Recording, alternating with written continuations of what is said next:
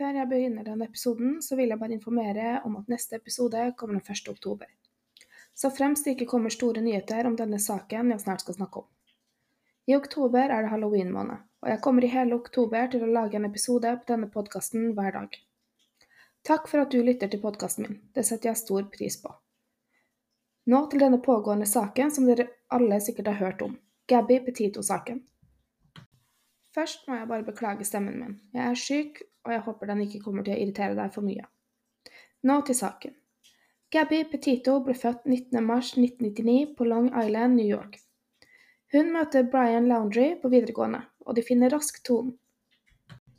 I 2019 flytter Gabby til North Pole, Florida. Her flytter hun inn sammen med Brian og hans foreldre. 22 år gamle Gabby og 23 år gamle Brian drar ofte på roadtrips. De poster jevnlig bilder og videoer på sosiale medier av turen deres.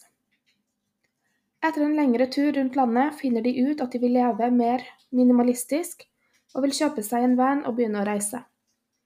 I juli 2020 forlover de seg. De kjøper seg så en van og pusser den opp til en campingbil. De slutter i jobbene sine og bestemmer seg for å ta en lang tur. Den 2. juli 2021 drar de fra New York. Denne turen har de tenkt skal vare i fire måneder. Ifølge planene deres skal de være tilbake til Florida til halloween. Den 4. juli er det i Kansas og Mountain Rocks. Noen dager senere er det ved Colorado Springs. Den 10. juli er det ved Grand Sand Dunes nasjonalpark. Så drar de til Sion nasjonalpark, Shedder Breaks, Bryce Canyon nasjonalpark, Mystics Hot Springs, Canyonlands nasjonalpark.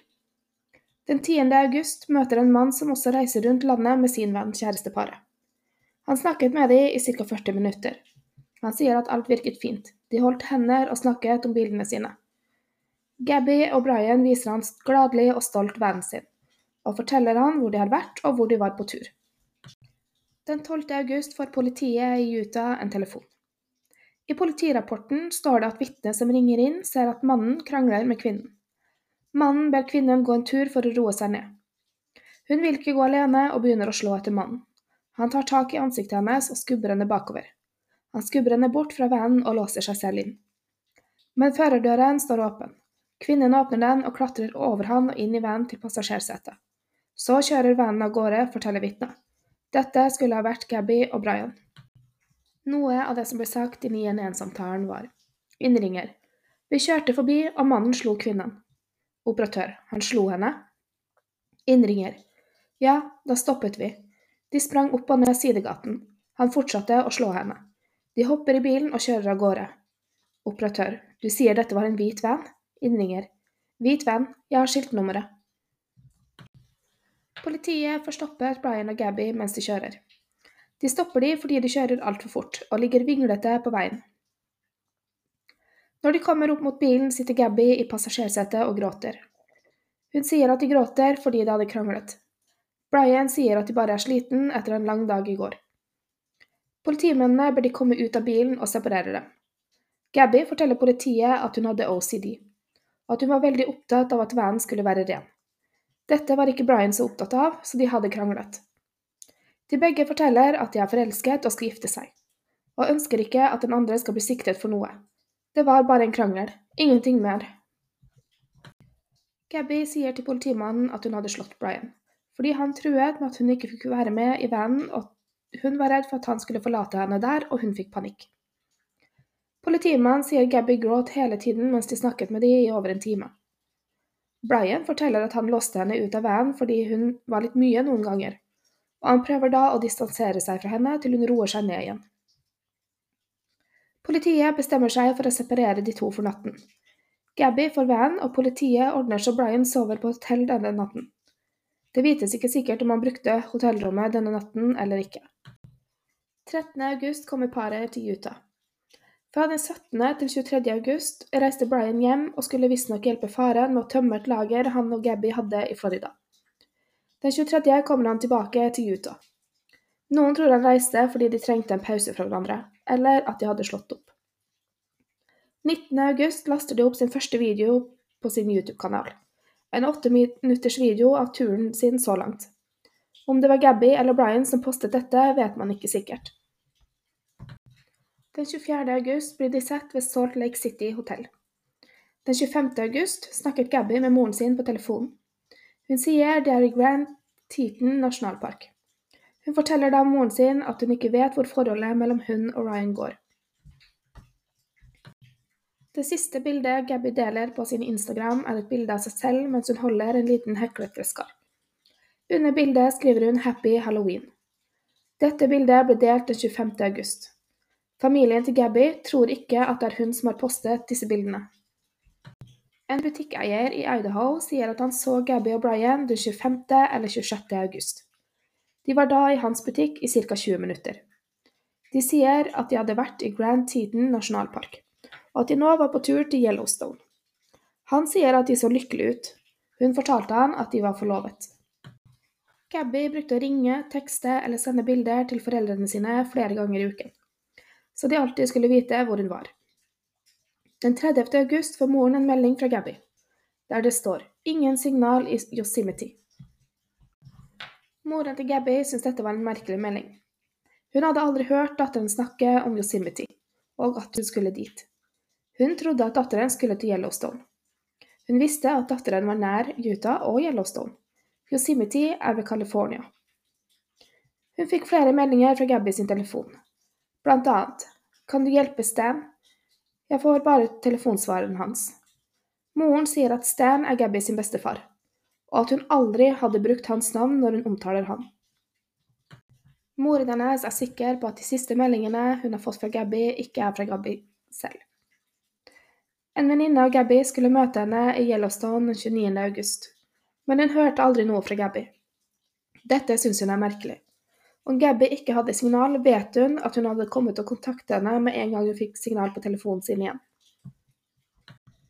Den 1. september kommer Brian hjem til foreldrene i Florida med deres venn. Gabby er ikke med.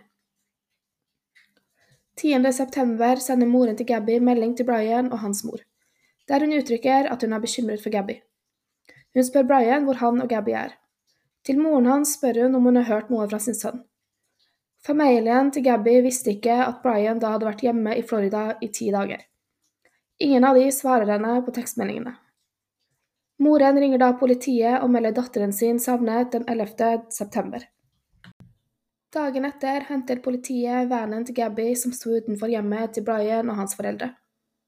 De banket på døren. De får da beskjed om at de kan kontakte advokaten hans. Brian ville ikke snakke med politiet. Dette reagerte mange på. Var ikke Brian redd for Gabby? Hvorfor ville han ikke snakke? Hvorfor har ikke han sagt til noen at han har vært hjemme siden 1. september? Han var den siste som hadde sett Gabby. Hvorfor ville han ikke fortelle noe? Men han hadde rett til å ikke snakke med politiet. Den eneste i Brian sin familie som var villig til å snakke med media, var hans søster. Hun sier på Good Morning America at hun verken har snakket eller møtt broren sin etter at han kom hjem til Florida igjen.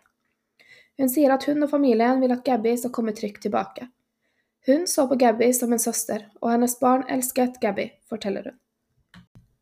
Familien til Gabby er helt satt ut av Brian og hans familie, som ikke vil hjelpe dem å finne Gabby, som ikke vil gi dem noe informasjon om hvor Brian sist hadde sett henne.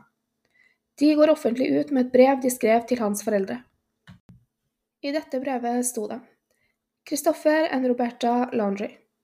Vi skriver dette brevet for å be dere om å hjelpe oss å finne datteren vår.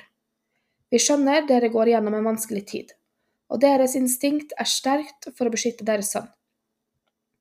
Vi ber dere sette dere inn i vår situasjon. Vi har ikke sovet eller spist, og livene våre faller sammen. Vi tror dere vet hvor Brian forlot Gabby. Vi ber dere om å fortelle det til oss. Som foreldre, hvordan kan dere la oss gå gjennom denne smerten og ikke hjelpe oss? Som foreldre, hvordan kan dere la Gabby sine yngre brødre og søstre gå gjennom dette? Gabby bodde hos dere i over et år. Hun skulle bli deres svigerdatter. Hvordan kan dere holde stedet hun befinner seg på, skjult? Dere var begge så lykkelige når Brian og Gabby ble forlovet, og planla å tilbringe livene sine sammen. Vær så snill, om du eller din familie har noe som helst for anstendighet igjen, Vær så snill og fortell oss hvor Gabby er. Fortell oss om vi leter på rett plass. Alt vi vil, er at Gabby kommer hjem. Vær så snill og hjelp oss så det skjer. Folk samler seg utenfor huset til Brian og foreldrene, og de roper i gatene Hvor er Gabby? Hvor er Gabby? Brian rømte den 13. september, to dager etter at foreldrene til Gabby meldte henne savnet. Dette får politiet beskjed om fra foreldrene hans den 17. september. Brian skal visstnok sagt at han skulle gå en tur i Carlton-reservatet. Dette er en enormt stort område. Foreldrene hans sa at de fant bilen hans nær turveien han skulle gå på. De lot bilen stå der i tilfelle han kom tilbake for å kjøre hjem. Men morgenen etterpå dro de tilbake, og da hentet de bilen hans. Dette var fire-fem dager etter at han forsvant. Den 19. september får politiet GPS-signalene fra telefonen til Gabby. Det viser seg at 7. september ble telefonene skrudd av, og den ble aldri skrudd på igjen. De søker med store mannskaper etter Gabby. Flere av familien hennes reiser dit hun sist ble sett, og deltar i søket. Men Brian og hans familie gjør ingenting for å hjelpe. Han vil ikke fortelle hvor han sist så henne, eller hva som skjedde mellom de to. Et vitne forteller at hun hadde sett vennen til Gabby og Brian ved Jenny Lake rundt klokken fem den 25. august. En annen familie som bodde på en buss og hadde gjort det i to år og reiste rundt landet, hadde også sett den hvite vanen der, og tilfeldigvis filmet den mens de kjørte forbi. Denne videoen ble tatt 25. august rundt klokken fem på ettermiddagen. Ikke langt unna der familien på bussen filmet vanen til Gabby, ble hun funnet drept. 45 minutter fra Yellowstone Park. Gabby ble funnet den 19. september. Når Gabby blir funnet drept, ransaker de hjemmet til foreldrene til Brian og tar bilen hans med seg. De søker etter Brian med helikopter, hunder, droner, folk på bakken. Men når de begynner å søke etter han, hadde han allerede mange dagers med forsprang. Der han skal ifølge foreldrene ha gått, kan han gjemme seg og leve godt på fisk og ferskvann i evigheter. Spesielt han som er vant til å leve på denne måten. De leter fortsatt med store mannskaper etter Brian Laundrie. Naboene til Brian og familien hans sier at dagen hun ble meldt savnet, så de Brian og foreldrene hans kjøre av gårde i en campingvogn. De så at de pakket campingbilen klar for tur. De så ikke at Brian kom tilbake med foreldrene etter denne turen. De har nå gått ut med en arrestordre på Brian. FBI ønsker å pågripe han etter at det som skjedde etter drapet på Gabby. Han skal ha brukt et kredittkort som skal være hennes. Dette kortet har han brukt 1000 dollar på fra 30. august til 1. september. Mange tror at Brian ikke er i Colton-reservatet, eller at han noen gang har vært der. De tror at de har sagt dette for å lure politiet til å søke en plass han ikke er.